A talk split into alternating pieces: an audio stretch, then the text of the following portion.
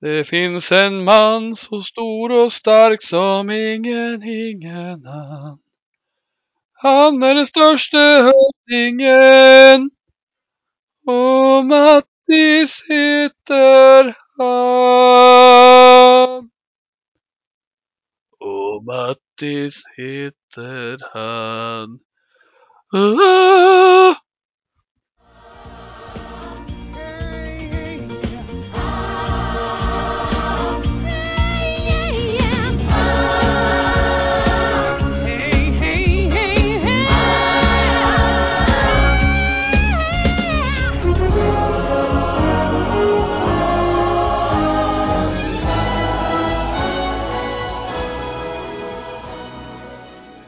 Jag vill börja med att be om ursäkt.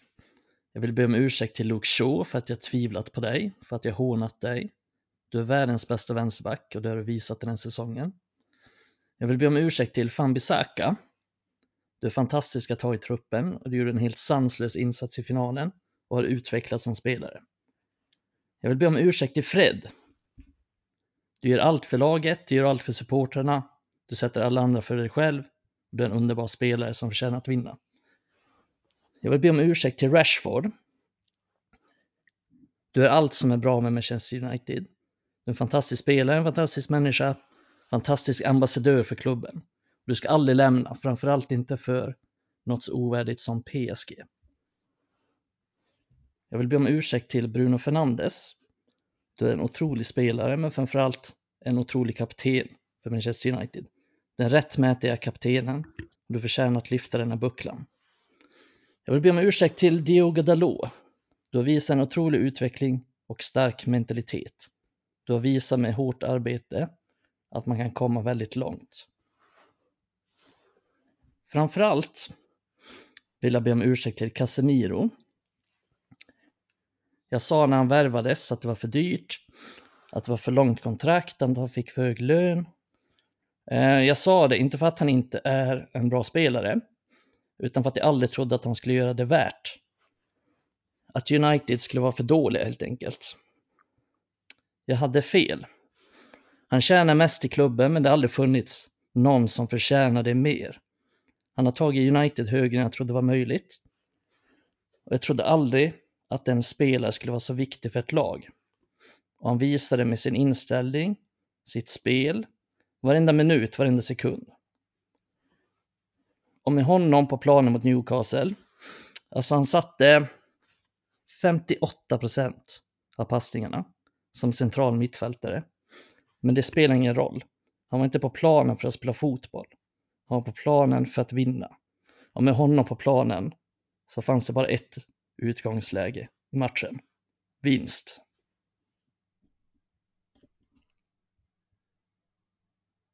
Applåder. Ja, fy fan så jävla bra. Det är fan ryste jag på den där. Vad helvete. Alltså knäcker den nu. Ja, ja. Fy fan, när Jag jag började prata om brilla Sacka då tänkte jag nu, nu kopplar jag ut ur fönstret här. Men det är så jävla bra Micke. Ja, det är, ja fy fan.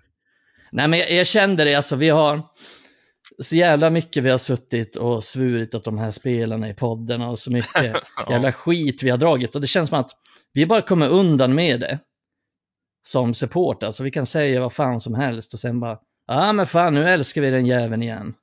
Men fan vad fel vi har ibland alltså. ja. Fy fan vad fel vi har ibland. Och det, det har jag lärt mig som fotbollssupporter känner jag typ det senaste, så här, inför den här säsongen. Eh, man är så jävla snabb på att döma spelare, hur de är under en viss typ av manager, hur de är i en viss typ av spel. Men sen kommer de med en ny manager kanske och så ändrar de skepnad helt. Eh, jag tycker det är så viktigt att komma ihåg det. Och sen också viktigt att komma ihåg att de spelar av en anledning. Alltså, typ ta Weghorst nu. Det är inte så att Erik den Hög bara, nej men han är liksom, han är svinbra, det är bara att jag är kompis med honom, därför spelar jag honom. Liksom han, han spelar honom av en anledning, han ser någonting som inte vi andra ser. Är du säker? och det För jag har läst på viktigt då. Twitter att det är därför han får spela. Ja men exakt, men jag tror det är viktigt att komma ihåg det. Och också att det finns jävligt många skarpare fotbollshjärnor än, än våra som ser sådana här saker och som bedömer att han är bra nog och att han är värd nog att spela. Sen ska man såklart ha åsikter om saker. Det är inte så att jag tycker att Weghorst ska spela i varenda match. Eh, och det är inte säkert att Erik Ten Hag har rätt i varenda läge. Han har bara rätt i 99 procent av lägena. Men, men det är viktigt att komma ihåg den typen av, av saker tycker jag. Nej, men din poäng är ju tydlig liksom. Det är ju, det är ju det är inte så att alla de här spelarna är perfekta eller att alla de här spelarna ska vara självklara eller ska dra. Det är någonstans att fan det mest fundamentala har vi börjat lösa och översikt ser vi ut att kunna lösa det. Att vi har hittat en tränare som kan hitta dels eh, en eh, mental trygghet för spelarna och att de utifrån den mentala tryggheten kan börja leverera med tydliga direktiv med en tränare som är både flexibel och klok. Och det gör att en sån här som AVB, som egentligen aldrig spelade under Ten Hag när jag dömde ut honom under Ten Hag, visat att fan, det går att spela fotboll här. Kanske inte säger att han ska vara en truppspelare om två år. Men fan, jag hade dömt ut honom totalt. Men igår satt jag halvtid, ja, vi tar ut Dalot, vi säkrar upp med AVB. Och det går faktiskt att argumentera för att han eh, till och med kanske borde ha startat den här matchen. Vilket förvisso kanske handlar om att Dalot hade en formsvacka, men precis. Det han kommer in och gör. Det är lite så här liksom, eller vad jag säger, Tenag pekar ju, men fan, vi har ett hot här på kanten. De har fasta situationer att hota med, sen har de den här fransmannen på kanten. AVB, sätt dit honom. Och han kom in och gjorde en fenomenal match, kanske den bästa insatsen bland de bästa insatserna i den här matchen. Det står AVB för, som många av oss hade dömt ut innan. Och din poäng där Mikael är ju så bra. Han har ju verkligen fått oss att fatta vad det här egentligen handlar om. Och det kan ju vara så till och med McTominay har vi inte ens nämnt i det här sammanhanget. Men han pratade om höstas, som många hade dömt ut. Men fan, han var helt fenomenal i vissa matcher bredvid Eriksen. Fast vi inte ens trodde att han kunde vara bra på ett mittfält United. Men det handlar ju om att vi har en tränare som ger oss hopp i framtiden som, kan, som faktiskt kan coacha de här spelarna och ge dem tydliga direktiv. Tydliga direktiv som vi har saknat i mångt och mycket över tid, ända sedan Fergusons dagar. Ferguson kunde också vara tydlig med sitt direktiv att idag ska du bara göra det här. Och det tycker jag att Ten Hag gör bra och han gör det även otroligt bra, tycker jag, som jag inte trodde med spelare som vi hade dömt ut. Du nämner Bruno, Mikael. Som... Det är jävligt fint av dig, för Bruno är en spelare som du verkligen har dömt ut och jag har köpt dina argument och vi har bråkat lite om det här. Men liksom mm. det du säger, nej men lite samma med Fred. Det här är ju spelare som vi kanske inte kommer ha i lag om två år. Vi vet inte hur det ser ut med våra investeringar och hur han bygger laget. Men det spelar vi fan ska uppskatta för vad de gör. Och Fred, mm. Det kan ju vara någon som efter det här avsnittet ifrågasätter, hur kan du hylla Fred? Han kan ju inte slå en passning. Men det är fan inte det du säger. Alltså se med han för vad han är och i de matcherna vi har. Vi har stora matcher den senaste tiden när han har levererat i princip alla. För han är en sån jävla krigare. Han är en sån ja, fantastisk krigare och det räcker exakt. fan med för Ten Hag. För förra säsongen ville ingen kriga. Och jag tror det är det han har gått på i grunden. De som har rätt mindset, börja med dem. Har de kvalitet, mm. då är de helt jävla säkra sen i elvan också. Exakt, det är det, det, är det största liksom han har ändrat, det, det tydligaste han har ändrat. Att Eh, jag tänkte på det faktiskt under den här matchen. Att ja, men Newcastle var, vi kan väl komma in på Newcastle-matchen. Liksom. Newcastle var bättre första 30 ändå, det tror jag vi alla är överens om. De var, de var det bättre laget. Mm. Men vi är alltid med i matchen. Vi är alltid där och krigar om matchen. Vi är ett otroligt svårslaget lag. Och varför? Jo, för att vi aldrig ger ett lag någonting. Vi ger dem aldrig någonting. Vi kommer inte förlora någon match med 4-0 till den här matchen. Och vi förlorade mot Brentman med 4-0, men det kommer inte hända igen den här säsongen. För vi, med, okej, okay, det kanske händer med om alla de här liksom, om jag säger de här kärnspelarna som jag ändå vill säga nu med, alltså centrallinjen med Martinez, Varan, Casemiro framförallt. Vi kommer inte förlora med 4-0 den enda matchen när de spelar. Det är jag helt säker på. Jag tror inte vi gör vi det med några andra heller om jag ska vara helt ärlig. Nej, det tror väl inte jag heller, men det, då finns det i alla fall någon liten risk för det. Men ja. det finns fan ingen risk för att vi förlorar med 4-0 i en match med, med de här spelarna. Alltså det finns inte på kartan. Och det är det, det jag sa som med Casemiro tidigare. Han satte 58 procent av passningarna som central mittfältare, liksom defensiv mittfältare. Slog i princip inte en kreativ passning på hela matchen. Ändå sätter han typ 50% av passningarna. Men det är liksom skitsamma. Han var inte där för att spela fotboll. Vi var inte där för att egentligen spela fotboll överhuvudtaget. Vi var där för att vinna. Mm. Och det är någonting som Erik Ten Hag har fått in. Han är en fantastisk coach som kan coacha det här laget till att spela bra possession-fotboll. Men han kan också komma in och vara pragmatisk och säga att vi ska vinna den här matchen. Det spelar ingen roll hur vi gör det, hur det ser ut. Vi spelar hela den andra halvleken, vi har knappt ett anfall på hela halvleken. Liksom. Lite kontringar på slutet. Men vi står bara och försvarar och de är inte ens nära på att, på att göra mål. Och där är Newcastle, okej okay, det låter liksom, det låter enkelt, så man hör Newcastle. Men de är utan tvekan liksom det fjärde, femte bästa laget i ligan. Ja. De är skitbra den här säsongen. Och framförallt är de extremt svårslagna. Men de, var, de hade ingenting att sätta emot United i den här matchen. Ja, de bombar ingenting. in inlägg både på, från Crippier och de har ett gäng hörner. Och man var ju livrädd för det där för ett säsong sedan. Jag kan inte ja. säga att jag helt helt återhämtad. Jag kan fortfarande vara rädd när det kommer hörnor grejer. Men fy fan, vi tar bort alla jävla hörnor. Och då har vi en målvakt som inte riktigt vågar kliva ut på alla hörnor. Igår var han förvisso väldigt eh, aktiv. Kanske det mest aktiva sett hela säsongen. Påpassligt i en final. För han kan vi kritisera för mycket. Men i den här matchen jävligt aktiv i straffområdet. Men våra backar, de bara nickar bort och bort och bort. Och vi vet ju om deras styrkor. Vi vet om att de är starka på det här, men att vi är så jävla vassa i den här matchen ändå. Ja, du säger det pragmatiskt också, men alltså det är sånt hur... jävla fokus. Ja, att uh, Ten Hag vet om det här. Det har kommit bilder på uh, att det är tydliga förberedelser. Man såg lite takt taktikbilder här på fasta situationer. Och det är ju inte hur vi själva ska agera offensivt, det är ju givetvis hur vi ska agera defensivt mot dem. Men sen också att vi tar in McTominay i slutet. Det är inget givet byte, vi tar in Maguire. Alltså vi vet exakt vad vi gör och vi vågar ta oss an en matchbild på det sättet vi vill ha matchen. Men även kan vi trycka ner en mittback till. Vi kan ta in en till spelare för att ja, vi har koll på läget. Vi vet att Newcastle är starka i luften och det spelar ingen roll om de tar in Alexander Isak och han är ganska menlös i den här matchen så kan de fortfarande få in en boll på en fast situation. Eller få en straff eller någonting. Det kan alltid hända.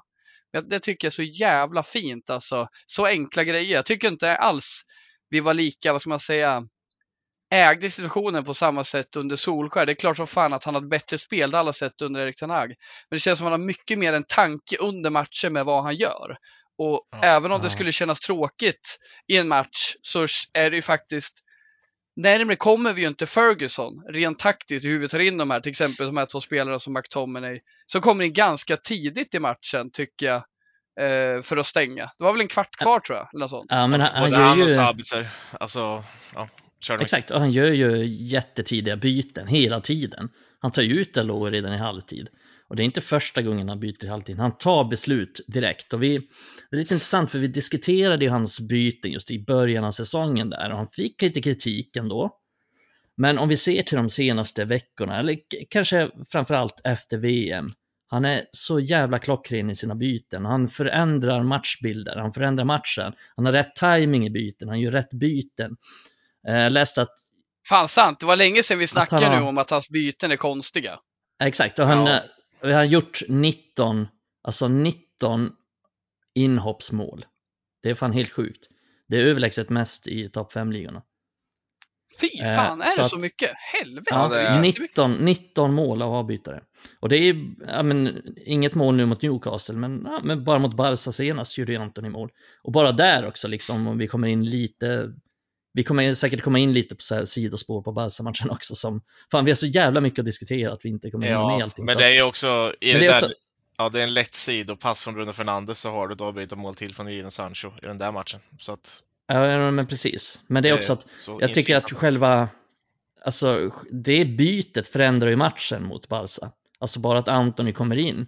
Och nu var ju förvisso Antoni jävligt bra mot Barca men det var ju mer liksom så här själva själva anledningen till att han kom in, alltså själva grejen att han kom in snarare än att han var liksom individuellt briljant. Utan det var helt rätt byte vid helt rätt tillfälle eh, som förändrade allting. Och det har Ten Hag gjort ah, så jävla bra. Han gör allting rätt nu, alltså det är helt sjukt. Alla byten, liksom matchplanen. eh, förändrat mentaliteten, förändrat spelet, liksom förändrat försvarsspel, förändrat anfallsspel, allting. Alla spelare i princip blir ju bättre. Alltså, det är helt sjukt. Han är, han är lätt en av världens bästa tränare. Lätt en av I världens världen. bästa tränare. I världen. Världens bästa tränare i världen. Nej, men det är inte annat än att hålla med er över, överlag. Jag blev ju man blir lite såhär när man ser både Sabitzer och McTominay stå vid, vid sidlinjen först och, och börja tänka tillbaka till gamla tider och, och sånt. Men man måste man måste ta med fan, precis som du sitter och säger i början, ta och släppa det där nu. Det är bara att be om ursäkt. Någonstans så, så finns det ett tränarperspektiv i allting, hur man kan få ut det bästa av sina spelare och eh, ja, har han inte fått det nu så, så är det ju inte långt ifrån det i alla fall. Han har utvecklat så många spelare. Det tyder ju också på att han har tagit in rätt personal bakom. Eh, intåg av till exempel Benny McCarthy som vi ska prata lite om sen också. Men allting sånt speglar ju också in och han har ju såklart någonting med i det här spelet också. Eh, det, det, är inte så att han låter eh, United anställa vem som helst som eh, hjälptränare.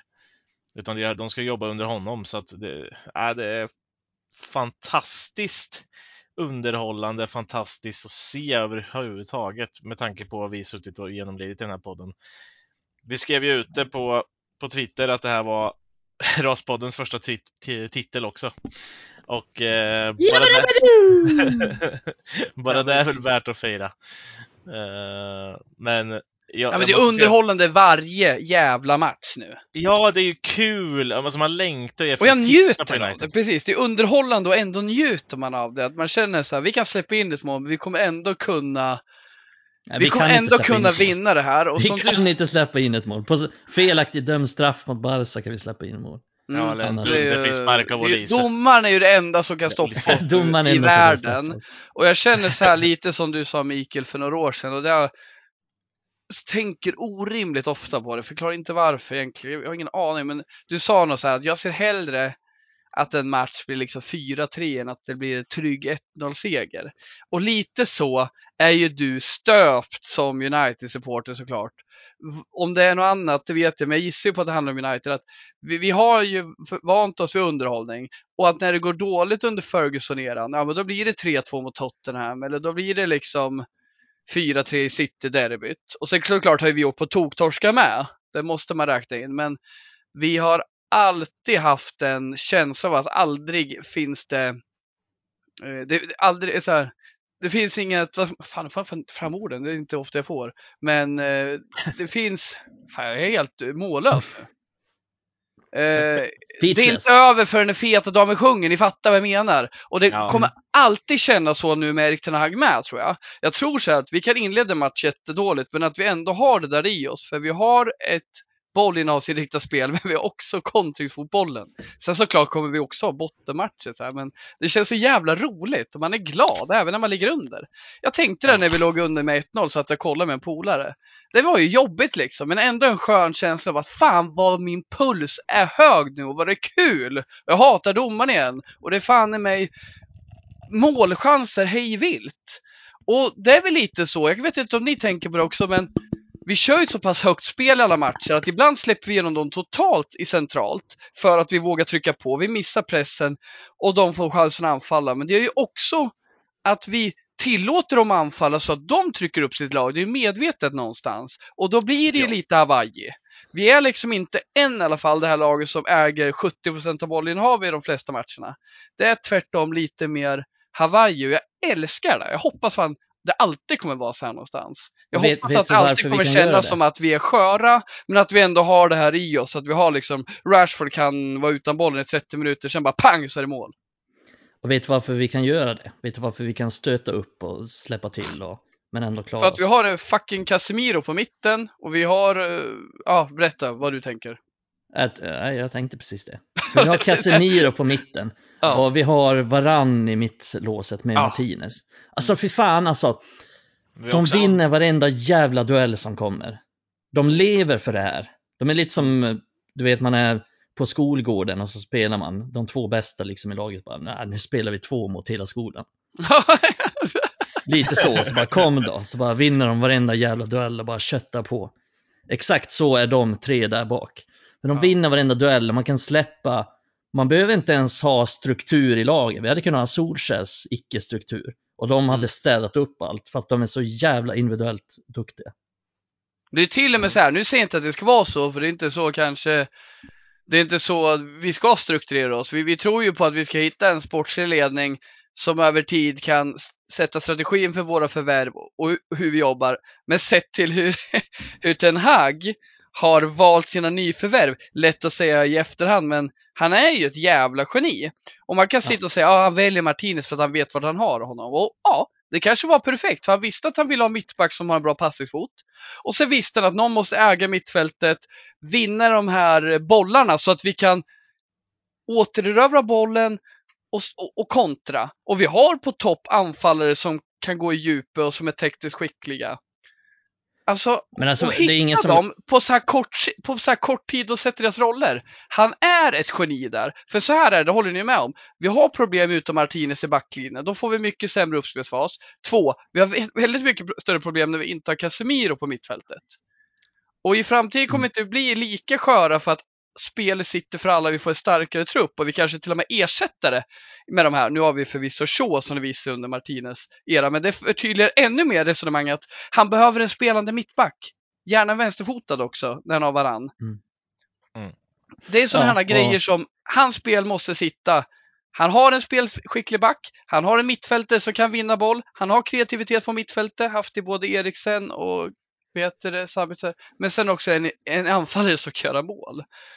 Mm. Och, och, i, och i slutändan liksom, det kanske inte behöver vara så jävla mycket svårare. Sen behöver vi ha mer, eh, vi behöver ha en hållbarhet i truppen, att vi kanske inte kan vara, vi ska kunna vara utan vissa av de här spelarna. Men vad fan, det här är hans första säsong. Han har knappt hunnit valt spelare. Och han har fått ihop det Nej, på så exakt. kort sikt. Och det är stort av det också att du, du ber om ursäkt för Casemiro. För alltså, jag, jag tyckte du hade bra poänger och jag tyckte ändå att ja, men jag förstår vad han vill göra här för den är så jävla vinnare. Men inte ens jag, inte ens jag, nu låter som jävla allsmäktig, men jag kunde inte tro att det skulle bli så här bra. Jag skrev det till igår, er igår. Vet inte om mitt budskap kom fram riktigt i vår interna grupp, men Nej. många snackade om Casemiro och jämförde med Roy Keane eh, den här säsongen. Och jag, jag köper det resonemanget, för det är en dynamisk spelare som i det defensiva verkligen kan äga mittfält, en kapten. Men att han skulle vara så bidragande offensivt, Mm. det har vi av all logik inte sett i Real Madrid, för han har inte ens behövt bidra offensivt. Men fy fan, han gör ju mycket av det som Keane gjorde när Keane var som bäst. Alltså inte Ja. Keane 2004. Då var han en defensiv stark spelare. Men när han vann Champions League åt oss 99, när han slog sig fram och var Englands mest fruktade mittfältare. Men- Herregud men se- se vad bra han är! Och, alltså, så- jag har så jävla flashback, jag tror det är mot Juventus när Roy Keane vinner Skulle Champions League. det. Ja, det är precis det jävla målet Casemiro Ja, gör i finalen. Jag ryser, skulle jag tänker på det. Vilken jävla... Det är sjukt att du tänkte säga det för att jag inte prata Ja. Men fy fan vilken sjuk spelare vi har samma där liksom. i vår barm. Det, det är exakt samma där. Alltså vi, okej, vi var dåliga då mot Juventus. Jag har sett den matchen i efterhand ett antal gånger. Vi var Ja, dåliga mot Juventus och så kommer han in med det här nickmålet. Det är exakt samma sak. Vi var Ja. rätt dåliga i inledningen mot Newcastle och så Ja. kommer han med det jävla briljanta nickmålet från ingenstans. Ja, det är så sjukt. För han är, nej, det är precis så. Han är så jävla bra offensivt också. Man är så expert på att vara tillräckligt tuff i alla dueller för att komma undan med det ena och det andra och han vet när han ska göra vissa saker. Det är, det är sånt jävla fullblodsproffs, Casemiro. Mm. Och jag Ja. trodde, jag måste hålla med er, alltså, jag visste ju att vi värvade en av världens bästa defensiva mittfältare. Det var ju inte en snack om saken. Sen var det ju många frågor och, och om annat och sånt, att han skulle kanske inte, ja nu skulle han tappa motivationen och sånt. Och där har vi ju inte sett ett skit av. Det finns ju ingen som är mer motiverad på plan. Möjligtvis Martinez då, men han är ju ett jävla psykfall. Så att det, eh, går ju inte, ja, men det är han ju. Det är ett Ja. älskvärt Ja. psykfall, men han är ju ett psykfall. Alltså, och Varann ser ju ut som ett psykfall också efter matcherna. Jag har inte sett Ja. honom gå och heja sådär. Ja, det var möjligtvis när han gick ut på plan när han blev presenterad, för det var också en av de mäktigaste presentationerna jag sett. Och så här i efterhand så förtjänar han den ju. Alltså efter två år. Alltså, ja, lite, inte riktigt två år, men det, det, det är ju så mycket som pass, stämmer in så jävla bra. Och i en sån här final också. Weghorst gör väl sin bästa match för United sen han kom. Han är helt fenomenal i första halvlek tycker jag i det här just. Och han är högst bidragande till att vi ens gör våra två mål.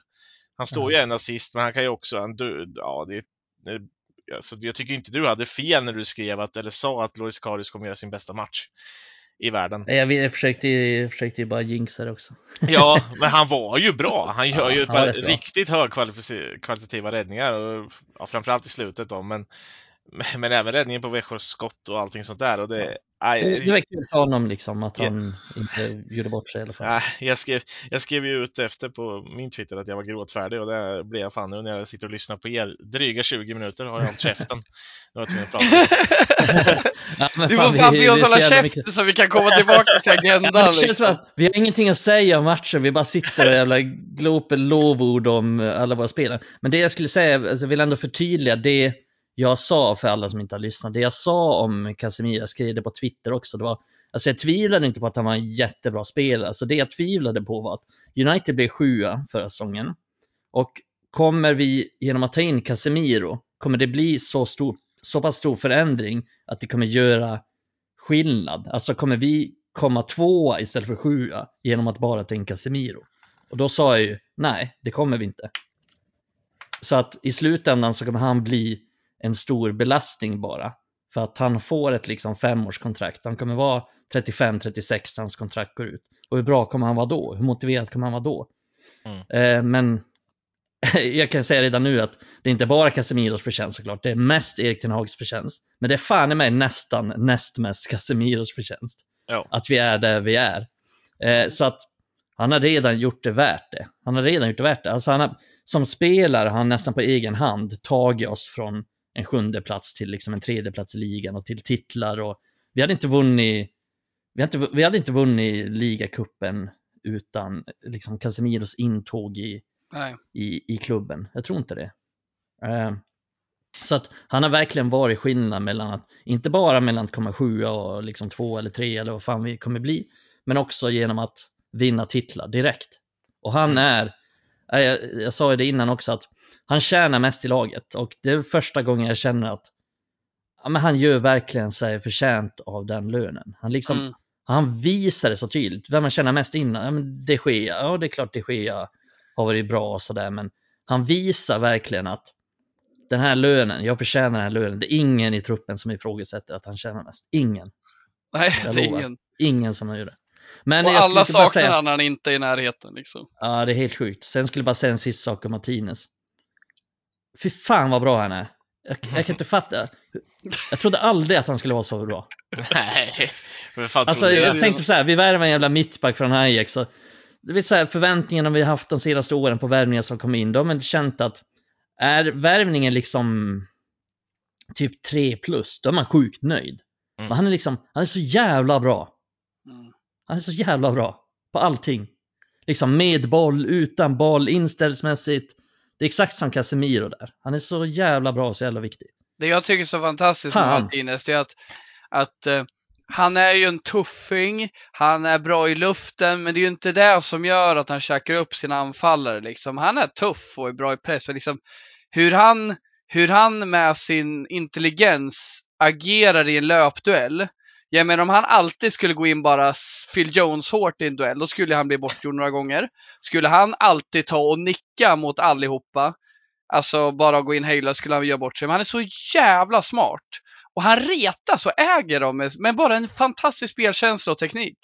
Alltså kolla hur ofta som han bara ser ut som han ska rensa och bara fintar. Och vi vänder hemåt liksom. Alltså Mm. det är så sjukt vad han utan att ens röra spelaren eller ens bollen ibland bara kommer in helt jävla rätt i en situation. Är jättesvårt att förklara. Men vi har alla sett Ja. att han är jättehård in i en boll eller jättesnabb för att i slutändan handlar det om hans beslutsamhet. Han går aldrig bort sig. Och sen är det också, varför då? Det är inte bara för att han alltid är först på bollen. För så jävla snabb är han inte. Det är bara att han är jävligt bra på att värdera och bedöma. Och sen alltid liksom Ja men, äh, fan jag får inte, jag får inte slut på ord, men jag, jag landar i att han är jag får inte slut, jag får slut på det. Jag landar i att han är jävligt smart bara. För jag vet att många säger att han är tuffing och det håller jag med om och det är han.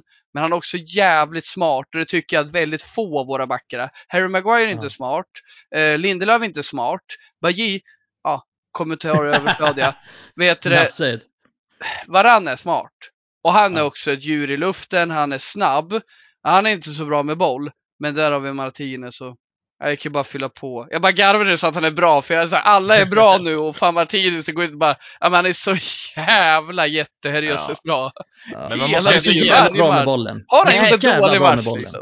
Får jag slänga ut Han är- några ord då? Alltså, Nej. Är, är, jo, det får jag visst. Håll käften för helvete.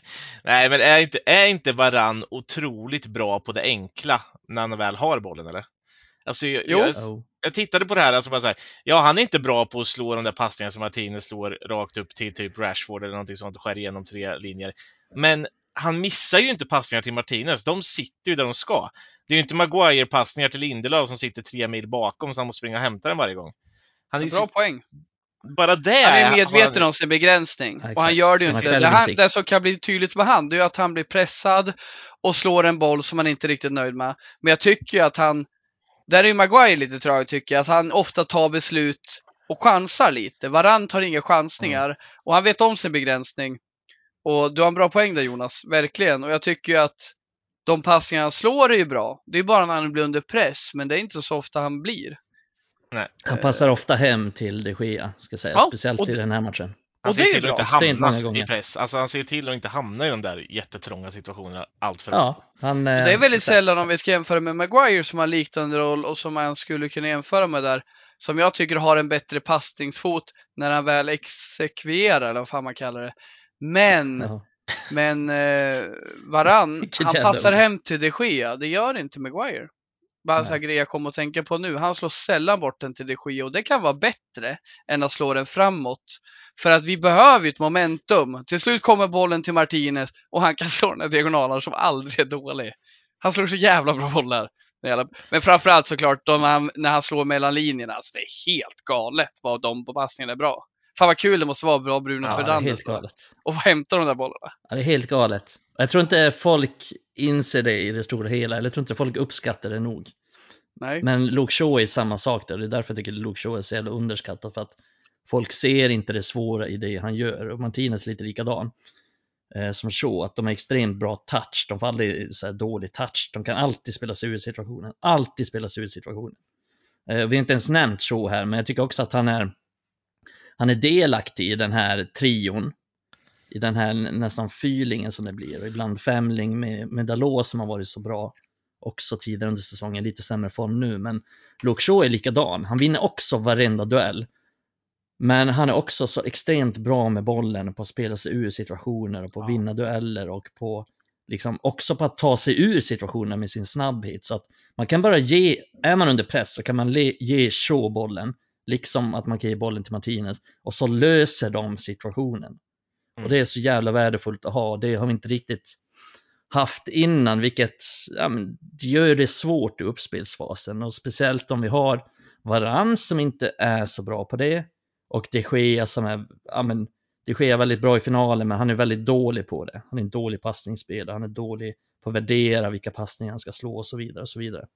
Eh, så det är jävligt, det är jävligt viktigt att ha dem, den typen av spelare och just Shaw och Martinez är så sjukt bra på det. Så att ni som lyssnar och om ni, ni har säkert tänkt på det, ja, ni är briljanta och smarta, ni har, klart ni har tänkt på det, men om ni inte har tänkt på det, kolla nästa gång när Shaw får bollen till exempel. Han ger aldrig bort den, alltid en lösning, alltid en kreativ lösning också. Jävligt bra fotbollsspelare. Ofta i trängda lägen också. Det är väldigt Ja. imponerande sett till hur, hur duktig han är i pressat läge. Men vad fan Micke, när du ändå har tryckt in din biktpåse, jag kan tränga mig in bredvid dig och säga att jag lovar och svär att jag aldrig har haft, nej jag skojar bara, nej men det jag vill säga nu, Luke Shaw, jag ber om ursäkt. Jag ber om ursäkt till Luke Shaw. Jag sa inför säsongen att vi skulle sälja honom. Och du sa så här Mikael, du bara, ja men fan jag tycker ändå det är en bra spelare. Ja men absolut Mikael, så jag avbröt mig. För fan, lyssna nu. Han har gjort oss besviken. Och ba ba ba ba ba ba ba sa jag, som jag brukar säga. Och du bara, ja men du har en poäng. Det kanske är så. Tänk långsiktigt Mikael. Men liksom, jag har aldrig ifrågasatt hans attributer. Jag har bara varit så jävla förbannad på den här lata jäveln. Och grejen är så här. Det har vi inte sett än. Vi vet han kanske kommer tillbaka till det. Men jag har sån jävla tillit till Erik Ten Hag. Att han kommer coacha och påminna honom om Luke, för fan, kolla där uppe. Där är du. På tavlan vår bästa spelare den månaden. Den här fantastiska spelaren jag sett som jag fått igång, både i uppspelsfasen, spela fram och visa ledarskapet. Grejen är att jag är inte alls orolig för att Erik Ten ska ta honom dit. Men inför säsongen, då visste jag inte vad som skulle hända med någon. Och jag hade dömt ut flera spelare, men Luke Shaw, jag är aldrig sen här att be om ursäkt till honom för fy fan vad lack man har varit på honom genom åren. Men han har alltid haft en hög, hög nivå. Och sen har han haft en jättelåg nivå. Men Ten Hag, han har höjt lägstanivån och han har fått in han till att bli kanske en av de viktigaste pelarna i det här spelet. Hela hans hela backlinje liksom. Den anledningen tror jag till att vi, vi har blivit stadiga. Vi släpper in förhållandevis lite mål efter de här eh, brakförlusterna vi hade i början på säsongen. Men när vi har satt backlinjen. Alla är duktiga i defensiven och alla är duktiga i uppspelsfasen. Alla är ledarstarka krigare. Jag skrev ut det på Twitter om att vi var ett gäng krigare för det är så. Jag börjar lista alla, så bara, nej, jag behöver inte skriva vilka det är. Alla är krigare. Det är väl egentligen bara kanske Rashford som inte är en krigare. Men Rashford behöver inte vara en krigare för han är en jävla ung Ronaldo som bara kan dyka upp och göra mål då och då. Men att eh, det, det, vill jag säga, så jag kan be om ursäkt till fler, men just Shaw har jag varit jättehård mot. Och jag ser att han, eh, jag tänkte så här för några veckor sedan, nu känns han lite lat igen. Nej, det var bara något tillfälligt. Fy fan vad bra han är alltså. Fantastiskt bra. Du och Mikael har varit tydliga med det här de senaste månaderna att det där är, det är en av våra bästa spelare. Du har till och med sagt att det är vår bästa spelare. Men varför spelar det roll vem som är bästa spelaren egentligen? Vi har typ fem spelare Nej. som kan vara våra bästa spelare. Är Varann Martinez bäst? Vem fan bryr sig? Mm. Vem fan bryr sig egentligen? Alla har ju sin fina del. Är Rashford eller Casemiro bäst? Ja, men det är klart det är mysigt att prata om. Men vi är ett lag nu. Vi behöver inte bry oss. Vem är bäst av uh, uh, Gagball? Vem är bäst av McLaren? Vem är bäst av uh, McCarthy? Ja, men alla har ju sin fina del. Vilken Mac är bäst? Ja, McLaren. Smiling Steve föredrar jag. Men Mike Phelan kanske dyker upp och får en jävla funktion i det här laget. Som ansvarig för lagfester. Det kanske behövs. Han är ju i Kanada för helvete. Han tycks bra. Kanadagås. Ja, fan vad han glider runt och gör. Jag vet inte riktigt vad han gör. Alltså jag känner så här, jag fick... Han går, bara, han går bara runt nu med sin musikhörn och pekar på folk och blinkar lite och bara går runt och lallar. Han är så skärmad. Ni är på sånt jävla prathumör idag känner jag. Ja, jag ja, vi, det. är ganska kul. Det är kul att vi skulle ha någon slags struktur i det avsnittet. Ja, det har gått en timme nu och jag, jag vet inte Adam, vad vi har snackat om. Adam berömde mitt körschema för cirka Uh, ja, när var det här? Riktigt bra agenda skrev du. fem idag. Uh, Riktigt bra agenda, sen skit han totalt Jag tänker att jag tar den här agendan och så slänger, så slänger jag den i, i, i kattlådan. Då får han pissa på det, det säger väl ganska mycket om oss ändå? Ja, det gör det. Men det, det, är också kul. Det är väl lite, lite det här tror jag att eh, faktiskt våra lyssnare där ute trivs med mer eh, på ett sätt. Att det är lite free flowing och att vi är glada och eh, ja, herregud vad vi ska vara glada också. Men, vad dricker ni? Öl. Tuborg.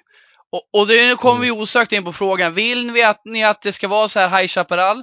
Vill ni att det ska vara liksom jätte, jätte, jätte, jätte uppstyrt? Eller vill ni att vi ska prata mer om Katrineholm, socialtjänsten, Pajala, Middlesbrough, eh, Middlesbrough, William Carvalho, Svarta katten, Svarta karten, Alexandra, Cassandra, Pinchos i Katrineholm, Cassandra!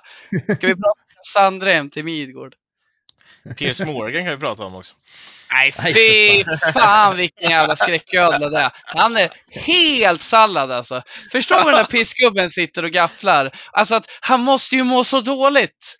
Alltså när han sitter och skriver ut om United en sån kväll och börjar fokusera på den här. Oh my days! Vad är det för fel på honom? Hur orkar han?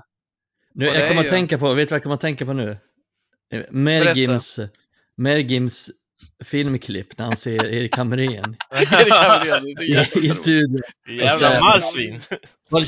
Ditt jävla marsvin, du kan noll om fotboll. Ja, det är jävla roligt. Exakt så tänker jag när jag ser Piers Morgan. dök upp i Champions League-studion. Så jävla smalt det här är för de andra lyssnarna. Det var kul, vi får fan visa det någon gång. Får göra. Ja, ja, vi måste nästan. Det blir någon sån här, fråga. Lyssnare får in någon sån här spe, special tro att de får titta in i. Mm, vi får fråga Mergim ifall det är okej att vi får spela upp det här för dem. Eh, vi, vi har ju faktiskt, eh, det, det är inte jag som har gjort, men vi har utlovat att vi ska lyda och diskutera en sak, så någon jävla form av agenda får vi ändå följa. Och det är Robin Lindell som skrev till oss efter finalen när vi skrev att vi skulle eh, spela in vårt första titelavsnitt någonsin.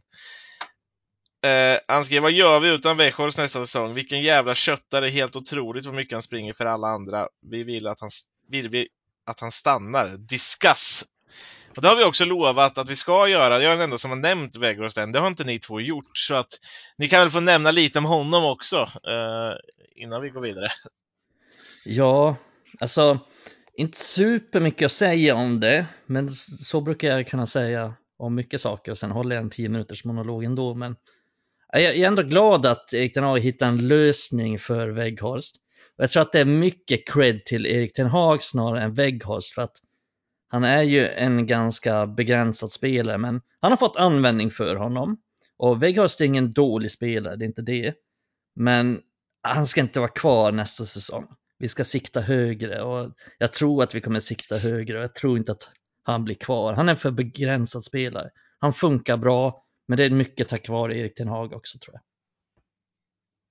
Jag håller ju inte med. Jag skulle gärna ha kvar han, men det är ju helt beroende på för som jag tolkar det som Erik Ten Hag vill få in nu lite mer balans i laget. Alltså den lönen som Martinez kom in på säger ändå någonstans om vad han tycker är OK. Att Casemiro får en jättehög lön, det kanske var hela förutsättningen för att han skulle komma. För han har haft en hög lön i Real och är trots allt en ja, vad är han, femfaldig Champions League-mästare liksom. Det är klart de fordrar högt. Men det är ju inte så klart att kanske en, uh, no, en nobody kommer in och ska högt bara för att hans agent ger det. Men jag tänker det. Jag kan absolut, om han tänker sig en, en underordnad roll så kan jag se att han, han kan liksom bidra. Men, men jag håller ju också med och jag kan tycka att man kan sikta högt ändå med honom som reserv. Men jag menar, men var, vi ska inte gå in i en säsong där han ska där han ska liksom vara från start i anfallet. Jag tänker så här, vi tar in en ny anfallare och sen värvar vi honom för liksom 8 miljoner pund eller vad han kan tänkas kosta från Burnley, Weghorst. Så har vi en reserv, vi har Martial, alltså vi behöver ju många olika alternativ. Men sen är frågan, hade vi tänkt ta in två anfallare och vi har mycket pengar, ja, men då kan vi satsa på, säg Osimhen plus en till. Det kan jag köpa. Men att så tror inte jag det kommer vara riktigt. Jag tror väl att eh, och Semen kommer vara så pass dyr att vi inte kommer ha så mycket pengar till en ny anfallare. Och Martial går inte att lita på, det kan jag eh, fast bestämma. Att det kommer, vi kommer aldrig få ut någon trygghet ur Martials leverans. Du kommer aldrig så jag tycker, särskilt nu, och jag får be om ursäkt också. Jag tror det var Robin Lindell som ställde den frågan och jag tog ner direkt där med nummer 10. Ten Hag är inte dum i huvudet, onekligen. Han har ju fått honom att lira en nummer 10-roll. Kanske inte varit helt fantastisk, men så här, bidragit med sitt slit och sin press. Men Mikael, du har en poäng också. Det här är inte vad som kommer att ta oss vidare i vår utveckling, utan nästa steg. Att han ska springa runt och pressa och missa bra chanser. Ja men alltså vad är du ser honom som? Ser du honom som tia eller ser du honom som alltså, som allting. När man behövs liksom. Och som en striker är ju grunden. Man kan ju onekligen göra ett jobb som tia med.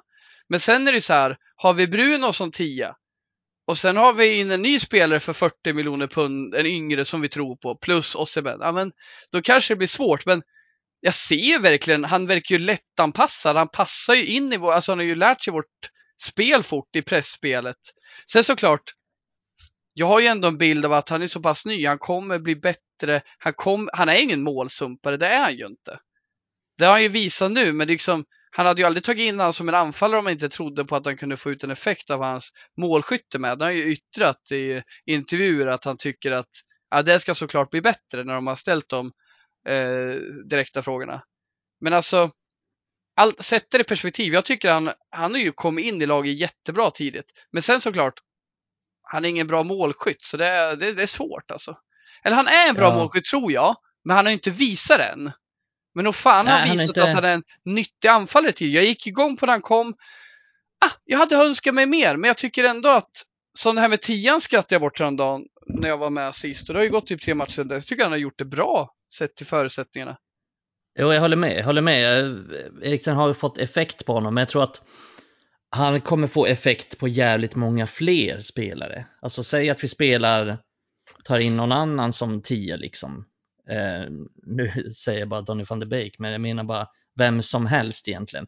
Så tror jag att Erik Ten Hag kommer få bra effekt på honom. Jag tror att jag har inget emot om Weghorst skulle bli kvar. Det är inte så att jag kommer stå med plakat utanför Old Trafford och skrika att Weghorst out. Men jag tror att vi liksom kan nå högre och nå ännu bättre och göra det så tidigt som nästa säsong. Så att jag ser liksom inte riktigt anledning till att han ska vara kvar kanske. Jag gillar honom som Fast- fan. Jag är Alltså- jättekritisk till hans målskytte. Det borde såklart varit bättre för han har ju fått chanser. Så är det. Och, och så här, det är svårt att säga emot det Mikael. Men det beror ju på vad vi har för alternativ. Vi har verkligen Ja, det gör det ingenting emot det och jag tror han kommer lyckas i framtiden. Jag tror verkligen det. Jag sätter ändå perspektiv att han har kommit in nu på kort tid utan att känna igen det här gänget. Varit med och bidragit. Vart fan, en jävla kämpe, en gris. Och det är kanske det vi behöver ha ett tag till. Framförallt då att få in sådana här från bänken som verkligen verkar ha hjärtat på rätt ställe. Så, såg ju han satt och njöt. Och det är ett sånt jag vill ha. Och jag har tänkt på det här med McTominay. Ja, men han är väl en hyfsad reserv. Men nej, han kanske aldrig kommer komma dit taktiskt. Men någonstans vill jag ha dem på bänken som har ett mindset och kan göra det där. Och det här är som sagt, det här är ju fan, när jag inser, jag sitter ju bara och spekulerar. Jag vet ju inte hur han alls kommer reagera om han får sitta på bänken. Han kanske inte ens vill det. Han kanske vill tillbaka till Burnley eller Besiktas för att spela varje match. Fan vet jag. Det har jag ju fått gjort hittills. Men jag har Men en bild av att han skulle kunna passa in i vårt lag. Men så, Precis, och alltså tittar du på många andra stora lag så har de haft sådana här typer av spelare som kan tänka sig att sitta på bänken. Visst, det är en spekulation rent i sig, precis som du säger, men varför... Alltså, det syns ju att han vill vara i United. Alltså, han var ju beredd att betala sin egen summa för att komma dit. Han visste ju inte att han skulle få spela så här mycket. Det kan jag inte tro att han visste från början att han skulle få spela precis varenda match eh, när han kom. Och jag tror att han ser ändå så här, ja men jag kan få en del av Manchester United. Han ser ju ändå, han vill ju vara en del under Erik Ten Hag. Han gör ju precis allt som han blir tillsagd att göra. Hela Jag tror tiden. också det. Jag Eh, tror också som Jonas där, att han, han är glad bara han får vara med i truppen och det Ja. tror jag det är största liksom, resursen för honom. Men min poäng är, eller det jag försöker få fram som min poäng i alla fall, är att han inte är en tillräckligt bra spelare, att vi kan få bättre spelare på den positionen som kan göra samma jobb och som också skulle vara nöjd med den rollen. Det är vad jag tror. Men som sagt, ja, men det, jag- är, bra- alltså, det, är, det är klart vi kan hitta en bättre pressande tia än honom. Ja, som exakt. också Alltså, passar mitt, bättre mitt, i vårt mitt spel. problem är väl att han, jag gillar att han kan spela både 10 och anfall, men mitt problem är väl att jag tycker inte han har varit tillräckligt bra som striker. Alltså det är ju de här situationerna som en striker ska vara bra i. Visst, jag kan se att han är ganska bra så här i bollmottagningen och han gör nytta i pressspelet och så. Men jag är ju lite besviken på liksom hans spel i boxen och hans huvudspel. Och han kanske blir bättre. Han är ju, alltså, vi ska inte vara för snabba på att döma det heller. Han Nej, han har kommit in i en 10 period när det är liksom. 20 matcher på 18 dagar. Ja, och många av de Nej, matcherna det som jag sa i alltså, förra avsnittet ja. tror jag, som inte har passat honom heller. Liksom, Mm. inte passat han, han honom vet ju knappt eh, vilken fot eh, Antoni har.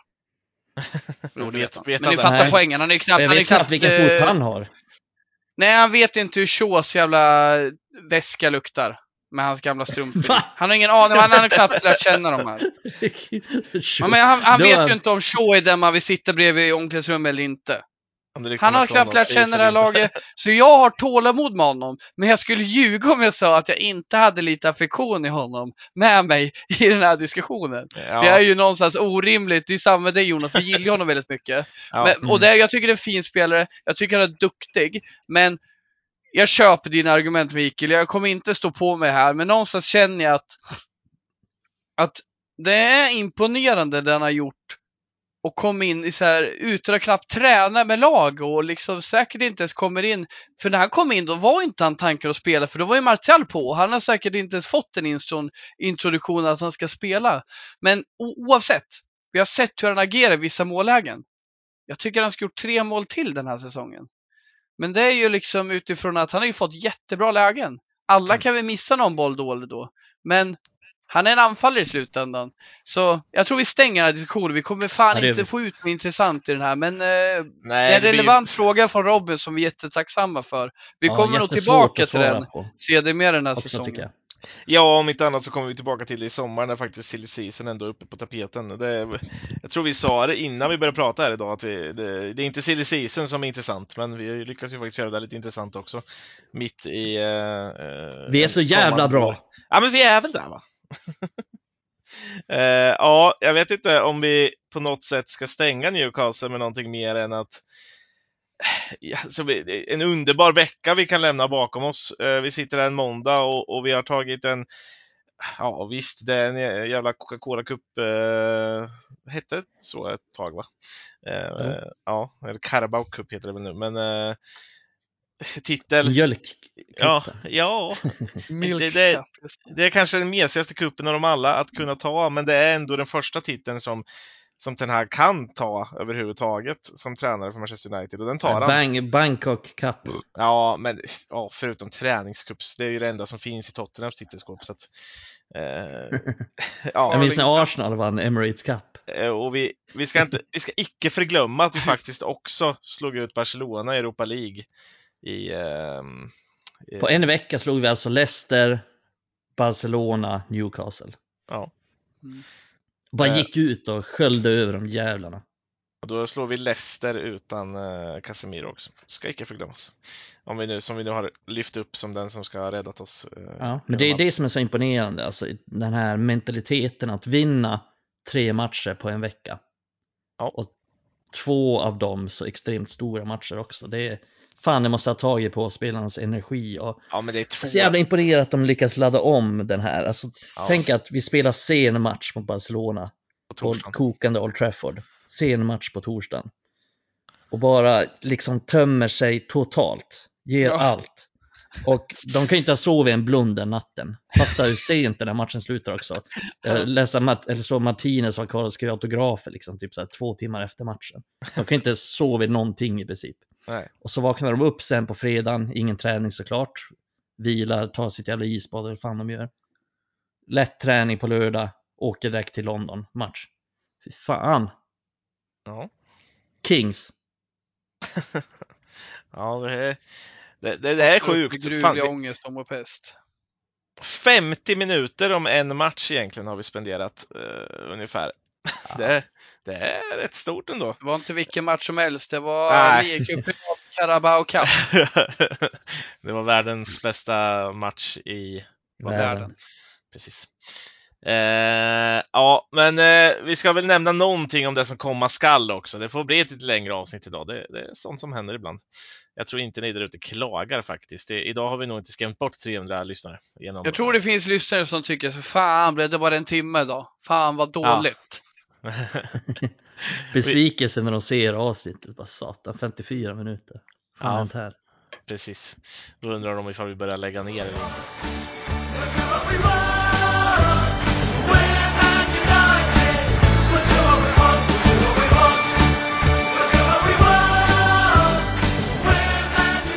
Men vi kommer ju till en ny vecka. En eh, ny vecka som innehåller två matcher återigen. Den första kanske inte exakt lika intressant som den andra. Uh, I alla fall inte i, i mina ögon. Vi möter West Ham i FA-cupen på onsdag. Och, eh, eller på Old Trafford också, eh, ska sägas. Och eh, sen åker vi till Anfield för att möta Liverpool på söndag. Vad, vad har vi att vänta oss här då, Adam? Är det mycket rotation i, mittveck eh, i veckomatchen? Ja, alltså mycket rotation, ja. Alltså vi kommer ju såklart gå all in mot Liverpool på söndag, så det, det kan nog bli en del rotation. Eh, som inte nödvändigtvis behöver vara så jävla illa för vår framgång i FA-cupen tror jag. Vi spelar ju ändå på hemmaplan och vi möter ett West Ham som, ja, de har inte imponerat den här säsongen. Eh, och jag, jag, tror, jag tror vi kan, eh, jag tror vi skulle kunna till exempel eh, vilja ha, eh, går att argumentera för att vi vill ha VB igen mot Liverpool. Och, och, jag kan tycka att det skulle vara rätt och då har vi liksom Dalot nu i FA-cupen. Och vi har eh, Sabitzer fräsch i FA-cupen. Vi har eh, nu får vi se exakt hur de lägger upp på, i anfallet, vad det blir för anfallare och så. Men eh, det är inte omöjligt att Maguire får spela i FA-cupen. Eh, vilket jag inte tycker är hela världen. Men eh, min poäng, ja vi kommer få rotera och jag tror det kan bli ganska bra ändå mot West Ham. Men det är också för att West Ham är svaga tycker jag. Eh, den här säsongen. Ganska, vad ska man säga, ganska förutsägbara. Och det är intressant nu att de får in en eh, nytänd eh, Danny Ings som eh, någonstans är grejen. Och de här gubbarna som borde vara grejen, Declan Rice och Jared Bowen liksom, det, det är fan ingen jämnhet i de här killarna som ska bära det här laget. Så. Jag ser otroligt mycket fram emot FA-cupen, älskar ju den kuppen och jag tror vi kommer kunna ta oss vidare även fast vi, även fast säger jag, Mikael blir arg, även om ja vi är i eh, ett stadie där vi möter kanske den viktigaste matchen den här säsongen eh, mot Liverpool då. För då ska vi köra bästa laget, då ska det vara, då är det finallag. Då är det bästa tänkbara eh, sett till motståndet. Jag tycker det bästa tänkbara är att ha Dalot till höger, men jag kan tänka mig att ha VB den här, i den matchen. Jag kan tänka mig att inte Varför ha VB det? mot Dalot. Nej, men jag kan eh, tro att det kommer bli en del djupledshot från Liverpool och då vill jag ha VB eh, snarare än Dalot. Och då sätter jag perspektiv att vi spelar ju inte bara en match i veckan, vi spelar flera. Och jag vill inte slita ut någon i det här stadiet. Jag kan känna lite att vi kanske ska vara lite försiktiga med Dalot. Han var borta ett tag. Och det finns nog en eh, anledning att tro att det inte är helt okej okay där med tanke på hans form. Och eh, tyckte inte han var så bra mot Newcastle. Och det tyckte det var helt rätt att ta ut honom. Så, så, så känner jag. Men sen i det, i det stora, jag vill egentligen spela Dalot varje match. Men nu när vi har vissa matcher, det är samma sen mot Leicester, jag hade inte haft något problem att ha, alltså jag har inget problem att ha VB den matchen för att vi har en, en dribblingstark ytter som kan hota. Och det mm. känns som Liverpool, har de det i Jota, har de det i eh, Luis om han skulle spela? Ja men det är klart, det finns ett djupledshot i de matcherna och vi behöver eh, ta vara på våra resurser. Och då väljer jag Dalot ja. mot West Ham, AVB mot Liverpool. Ja, men jag tycker just eh, djupligt så, så vet jag inte om jag tycker att Dalot är sämre än van Bissaka. Liksom det är väl främst i de här en mot en situationerna, typ som mot Newcastle när Satt Maximan kommer. Det är ju där jag känner att van Bissaka, van Bissaka, det låter som en jävla Lars Lagerbäck när han snackar engelska. Typ. Nej, men det är där jag känner att van Bissaka har sina styrkor, men att jag ser inte riktigt att Liverpool har den ytten som kommer vålla oss särskilt stora problem på vänsterkanten. Jag vet inte vem som kommer spela där, om Nunes kanske spelar där eller Gakpo, Gakpo kanske. Och de är liksom inga bra dribblers eller någon som kommer, de, de kommer inte liksom vållas lika stora problem för Dalot som, som Saint Maximin gjorde. Så att jag ser inte Vill du spela AVB mot West Ham då eller vill du spela Dalot i Ja, alltså varför inte? Ja, men AVB liksom, har ju ing, det finns ju ingenting att vara rädd för. Nej, nej, nej, jag vet, jag vet. Men det, det, är snarare så att jag vill fokusera på matchen mot Liverpool och då, när vi har en så pass, ja men det får man väl ändå säga om Fanbisaka och Dalot. Nu har vi två ganska bra högerbackar och då känns det väl rimligt att ena spelar mot West Ham och den andra mot Liverpool. Och då fokuserar jag helst på att vi spelar det bästa laget mot Liverpool och roterar ganska kraftigt mot West Ham ändå. Jag vill inte att mm särskilt många av de som spelar mot Liverpool ska spela mot West Ham överhuvudtaget. Jag tror att, och det tycker jag också någonstans att vi har fått, fått och fått, vi har liksom den truppen vi har, vi har samma trupp nu som i början av säsongen, men det känns ändå mycket bättre när de här spelarna kommer in. Vi kan spela Sabitzer nu, kanske ta matchen mot West Ham så kanske vi kan spela Sabitzer och McTominay på mittfältet. Och jag skulle känna att fan det här är ett bra mittfält. Det här tror jag blir bra mot eh, mot West Ham. Och vi kan spela van Bissaka. Ja, men de kommer inte köpa upp det... oss på mitten för att vi har McTominay och Sabitzer där. Och jag tror att det är ett bra mittfältspar faktiskt. Eh, och sen kan vi ha van Bissaka i den matchen och känna att ja, men det är ganska bra. Vi kan ha Malaysia. Eh, vi kan ha Lindelöf som mittback och kommer känna att ja, men det är ganska tryggt och det här är ganska bra. Och vi kan slänga in Sancho. Vi kan ha Garnacho. Weghorst definitivt startat den matchen. Och så vidare och så vidare. Så jag känner att oavsett om vi roterar så kommer vi få, vi kommer få ett bra lag och sen kommer vi såklart ha de bästa spelarna. Jag vill ju till exempel att Rashford ska vila mot West Ham. Ja, men då har vi honom på bänken, så ifall vi skulle behöva det så mm. kan vi byta in honom. Eh, så att jag vill helst att vi fokuserar på den matchen mot Liverpool, att vi sparar så många av de här nyckelspelarna som möjligt som behöver vila. Och då tänker jag framförallt på Rashford behöver vila. Varann behöver nog vila. Shaw behöver nog vila också tänker jag. Det är väl främst de tre. Casemiro har vilat ganska mycket. Eh, Ja, det är Martinez Rashford, Shaw och Varann som behöver vila. Ja, framförallt de tre. Mm. Sen är jag lite orolig för, för Dalot också. Han har bytts ut rätt många matcher. Undrar hur hans status är egentligen. Jag, eh, jag hoppas Han ju någonstans att han bra. kan spela varje match. Liksom. Jag, jag gillar Mm. honom som fan. Jag tycker han, han har varit nog en av de som imponerat på mig mest som jag inte trodde den här säsongen.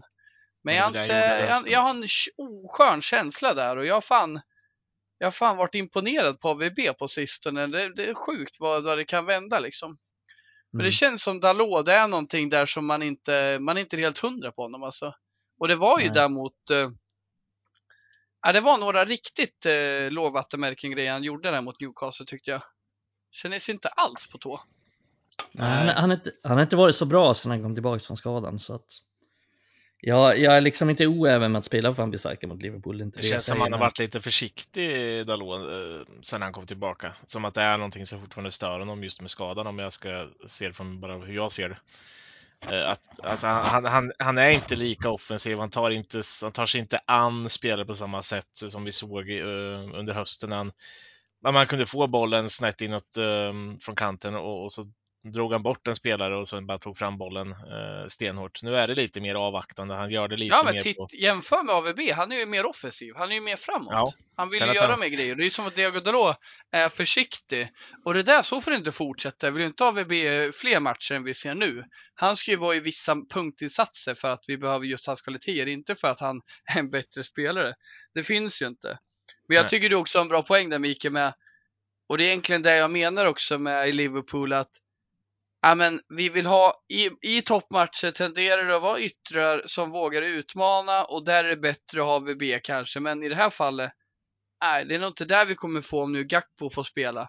Och Diaz, han är väl inte ens aktuell va? Han är väl skadad tror jag. Jag tror inte Oavsett. det. Jag förstår vad du menar och du, du har sunda poänger där.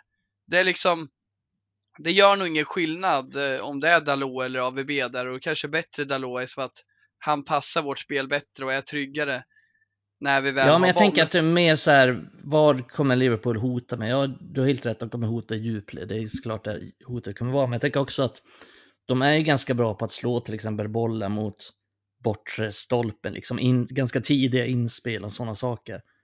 Eh, och, och inlägg liksom mot bortre stolpen. Och, lite Och då är. Dalot mycket bättre Ja. än AVB. Mycket bättre. Exakt, men Otroligt mycket bättre. Det där tänker jag med AVB också. Han är, han är ganska bra och spänstig och kommer upp i luften. Men han är ju så jävla hjärndöd i spel, i positionsspel och där tycker jag Dalot är mindre dålig om man säger så. Mycket Mm. mer, mycket mer smartare Jag spelare. vill bara bekräfta att eh, Luis Diaz står fortfarande som skadad i alla fall. Även Darwin ja, han är ju skadad, han har inte spelat någonting. Thiago Alcantara, eller vad han heter. Eh, samt Joe Gomez och Ibrahima Konaté ser ut att missa. Klopp är skadad också. Men det står Ja, men det, hjärnskador går inte att göra någonting åt. Eh, men, Operera. bara lägga in en, en aspekt till Lobotomera. i den här matchen. lobotomering. Ja. Gökboet. Förstå om Klopp var med i Gökboet. Han ser ju ut som det. Alltså, står det med öppen mun på Har du sidan- lagt, har du lagt ut tigerbilden på Twitter, Adam? Tiger? Ja, tigerbilden som var så jävla lik Klopp. Jag har lagt ut den, men jag la väl ut den på Twitterkontot verkligen. Jo, Har du gjort vet inte om du gjorde det med ditt nu? personliga. Eller? Nu följer IF plus Ny- Köping oss. Fan vad jag älskar när fotbolls eller förening, det är en bowlingförening och fotboll och innebandy i Köping som följer Ja. oss. Jag kommer inte ihåg Jonas. I Jag har världen. lagt ut den någonstans på Twitter i alla fall. Ja, jag vet inte. Jag, sk- jag scrollar igenom vårt flöde. Jag ser den inte just nu. Vi hittade en Men- tiger som är jättelik. Men jag tror du gjorde det med ditt personliga konto. Ja, då får du nästan slänga upp I, i den någon på, tråd eller något sånt. på Raspodden får du fan slänga upp den också, Adam. Eh, se hur, hur lik Klopp är denna eh, förbluffande tiger. Nästan lite mer kraftfull än Svarta katten. Ja men den är helt otrolig den jävla tigern. Det går inte. En Och skymf, förstå. det är tiger ett fint djur. Det är ju det. Ja, Faktiskt. Nej, men eh, jag vill lägga in en aspekt till när det gäller Liverpool just att det här är första gången på väldigt många år skulle jag säga som United som går in som favoriter i ett möte med, med Liverpool trots att det är på Anfield. Och då säger det eh, mest utifrån att man man kommer se som favoriter om man tittar till att eh, tabellposition, form, allting sånt. Det har vi ju inte gjort på väldigt länge. Hur, Det är hur, intressant hur snabbt det svänger. Vad Ja. kom Liverpool före oss förra säsongen? 15 poäng kanske? ja. Och vad är vi nu? Före 15 poäng nästan. Vi bara, vi är tre år bort, kanske fem. Fem Fan, år bakom Liverpool. 15 poäng Ska jag lägga ut bara tigern Ja. eller när tigern jämförelse med Klopps öppna mun och sen har han en keps och en glasögon på sig? eh, jämförelsen är roligare. Eh, 13 poäng före är vi Liverpool, men vi har en match mer spelad. Så att, 13, 16 poäng efter helgen. Jävla vild är ja, jag älskar den. Nej, men, men eh, själva den aspekten, Fokus Adam! Bra. Adam svävar iväg. Jag ska inte be Adam göra såna här grejer. Lägg ut! Okej, ut. Eh, nej, men det är väl klart att vi måste eh, ha med det liksom också. Så det, det är ett Liverpool som kommer som underdogs för en gångs skull. Vi var underdogs i förra mötet i augusti, framförallt eftersom vi inledde med att få stryk mot Brighton och Brentford. Eh, men Alla jag- trodde att Liverpool skulle krossa oss, att nu får Ten Hag sparken. Ja, Ja, Det fan intressant. vad det var snack. Svänger. Men hur, hur, hur tror ni matchen kommer att utspela sig nu då? Är det United som kommer ha bollen eller är det Liverpool fortfarande som kommer försöka ha boll? Eftersom att det är på Anfield så tycker jag själv att det är ganska klockrent att det är Liverpool som kommer ha mycket boll. Så tycker kanske de kommer ha kommer, boll. ja men så kanske det är så att de i vissa taktiska aspekter slår lite längre, vill vinna boll centralt och, och kontra och så, men just hade det varit Trafford, då hade jag varit jävligt nyfiken faktiskt, för då, hur, hur agerar vi? Men jag tycker i många stormatcher så är vi inte så dominanta som jag kanske initialt tror att vi ska vara. Så jag tror Mm. även den här matchen, vilket då kan gynna oss. Eh, så på det frågar Jonas, jag tror inte vi kommer vara så dominanta. Men jag tror liksom att sett till hur Liverpool spelat, att vi kommer kunna hota dem så in i helvetet. Om det är så matchen blir. Jävlar Alltså. i helvetet. Ja, vi så kommer- nu ska inte jag jinxa på något vis, men man får prata, man får fan säga vad man vill, tänker jag säga. Men vad fan, det kan ju bli en jävla kross av Liverpool på Anfield, som det ser ut just nu. Alltså de har ju, alltså jag vet inte om ni såg någonting av Palace-matchen, det är helt sjukt att de inte gjorde mer av den insatsen Liverpool har. Och hur jävla, vad ska man säga, jag har inte sett hela matchen, jag har inte någon analys att säga så, men det känns som att moralen i truppen är så sjukt låg. Kvaliteten finns ju onekligen där. Alltså tittar man på pappret vad de har för spelare så är det ju ett... Han har, han har fått ut det mesta av dem och nu får han inte ut det längre. Och en sån här som Alexander Trent Arnold, eller vad han heter, han är inte ens bra längre. Van Dijk blir petad för några veckor sedan. Alltså vi har Salah som jag trodde skulle Sallad. floppa den här säsongen, men han är helt sallad. Nej, men han har ju kanske varit det minsta problemet. Men han är inte alls, han är skugga av sig själv. Fast han ändå kan göra mål och så ibland. Men det finns så mycket i den här truppen att han har alltid levt på ett jävla go. De har trott på det här och de har alltid gjort allt för Klopp. Även när Kolo Touré spelade, eller Lucas Leiva. Men han får inte det längre. Han får inget gratis. Och man ser steg för steg hur han uttrycker sig i... Han, han, han skyller ju inte bara nu. Nu kommer det även lite självrannsakan efter de här tokiga insatserna som han haft under början av året. Men sen också, ser man på insatser på spelarna. Jag tror att de kan få en riktig käftsmäll den här, den här matchen. För om United väl får in ett mål så kommer de aldrig ge sig. Jag tror det. De kommer bara kötta på. Mm. Och, Jag tycker de är helt, alltså, ta matchen mot Real, alltså de är helt lost liksom taktiskt. De har ingenting längre. Eh, De har en 2-0-ledning, men liksom de bara springer tomt individuellt. Liksom, de har ingen synk i sitt pressspel, de har ingen synk i någonting. De bara springer för sig själv och jagar tomt. Trots att de leder liksom med 2-0 så är det som att de som att de ligger under med 2-0 och jagar matchen i desperat takt. Alltså de är helt de är helt jävla sallad för att... Men det är precis som omvänt honom. förut. Där Mm, de liksom ja. nästan kunde ha varit i underläge ett lag, men ändå, alltså förstå mig rätt du, de har mött lag som nästan är bättre än dem på pappret, men de har ju ägt mentalt. Nu är det ju tvärtom liksom, de tror ju inte på sig själva. Jag Nej, tror den här de, har, de har inget mittfält längre, alltså de har ju alltså Henderson, Fabinho, och så vidare, och så vidare. Ja men alltså de var ju de var ju bra för att de orkade springa hur mycket som helst. Men nu har ju de, alltså de har inte, de har inte värvat bra och alla deras nyckelspelare är 30 plus nu. Så att de är ju liksom, de är mätta och de orkar inte springa lika mycket för det är ett intensivt spel som Klopp kräver. Han kräver ett intensivt pressspel och han kräver att alla de spelarna tar det jobbet och ta, han, han spelar liksom det laget som om de vore tre år yngre än vad de är. Som att han spelar på exakt samma sätt som de gjorde för tre år sedan. Men det funkar inte eftersom alla de inte tar det jobbet eh, som de orkade göra då. Eh, så nu, ja men Fabinho, jag vet inte vad han sysslar med liksom. Han kommer ju bara in och så kör han över lite folk då och då. Ja, tappa bollar till höger och vänster, framförallt mot Real Madrid. Eh, och ja, framförallt mot Crystal Palace sist, såg jag också. Det var eh, en av de tråkigare matcherna jag sett i år, tror jag. Som jag spenderat 90 minuter på. Ja, nej men det, det som oroar är ju såklart att de är alltid liksom up for it när de möter United ja. på Anfield. Och det, det, spelar ingen roll om de har varit bra eller om de har varit dåliga. De har alltid varit up for it på Anfield mot United. De har alltid varit Och det där stämde alltid förr Mikael, men nu är det ja. nya tider. Ja, det är nya tider. Det är det som är, ska bli intressant tycker de jag. Är brygga. Ja, men det ska bli intressant att se Erik Ten Hag lösa det för att oavsett om vi har varit bättre än Liverpool så Ferguson kommit dit och vi har varit klappkassa. Vi kanske har råkat vinna en gång med 1-0 eller vi har spelat 1-1 eller så här. Men vi har alltid varit så jävla dåliga på Anfield. Varenda match. Så det ska bli intressant att se hur bra kommer vi vara den här matchen. Mm. Det är jag mycket spänd på att se. Hur många tror ni hade tippat att Rashford skulle ligga sex mål före Mohamed Salah i skytteligan? Ja, inte många. Nej. Det är lite kul att se det. Ändå tre engelsmän bakom Erling Haaland. Ja, precis. Benny McCarthy. Vi skulle ju ha pratat Benny McCarthy, men jag tänker att vi, vi kommer spara den, eh, det pratet till, eh, till kommande avsnitt. Vi, vi, vi spenderade så mycket bra tid ändå på det här avsnittet, på så mycket annat som var bra. Dels ett tal från Mikael och ett Ja, jag vet inte om du ville leka här mapa där Adam, men du höll också ett tal. Lite som på dagis där, jag vill också göra det. jag funderar på om jag skulle hålla ett också bara för att. Men jag, jag vill vara med! Jag vill också göra. Nej, jag tänker att vi ska slippa det och skötska talet i alla fall idag.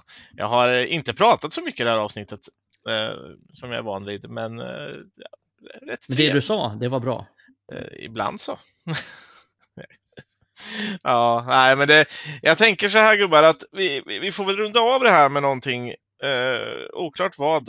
Eh, någon sa någonting, eller jag såg något innan. Runda av med någon sa någonting. Ja, någon, Starkt. Bald is best var det någon som sa va? Uh, Just det. Innan podden. Bold is best. Ja, precis. Bold is best. Jag skrev och, igår att det här avsnittet ska heta Bold is best. Var det det du gjorde? Ja, ja men sen har jag ju glömt bort att snacka om det. Ja, men nu snackar Janna vi om det nu. is best. Bold is best. Det är synd att jag inte spelade in det innan när du sjöng om Janne. Då kunde jag inlett med det Adam istället för vår vanliga introsång. Eh, det, ja, det kan det. vi ju fan försöka. Får vi replikera. Ja. Vi, vi blir inspärrade om vi, om du lägger ut det vi snackade om innan. Ja, det, det, det, kan bli så. Nej, men... Man får ju eh, fan inte se någonting i det jävla landet. Kinderägg säger jag bara. Kinderägg. Eh, jag vill tacka er två i alla fall. Mikael Lagerberg Pekula. Eh, och Adam Svarta katten Stenberg för det här otroligt trevliga avsnittet. Jag hoppas att ni där ute har varit extremt nöjda. Eh, jag är nöjd. Jag har fått höra på två kloka män slå sina huvuden ihop och spekulera kring Manchester United. Och det kommer vi fortsätta göra flera veckor framöver. Mm. Bold is best. Bold is best.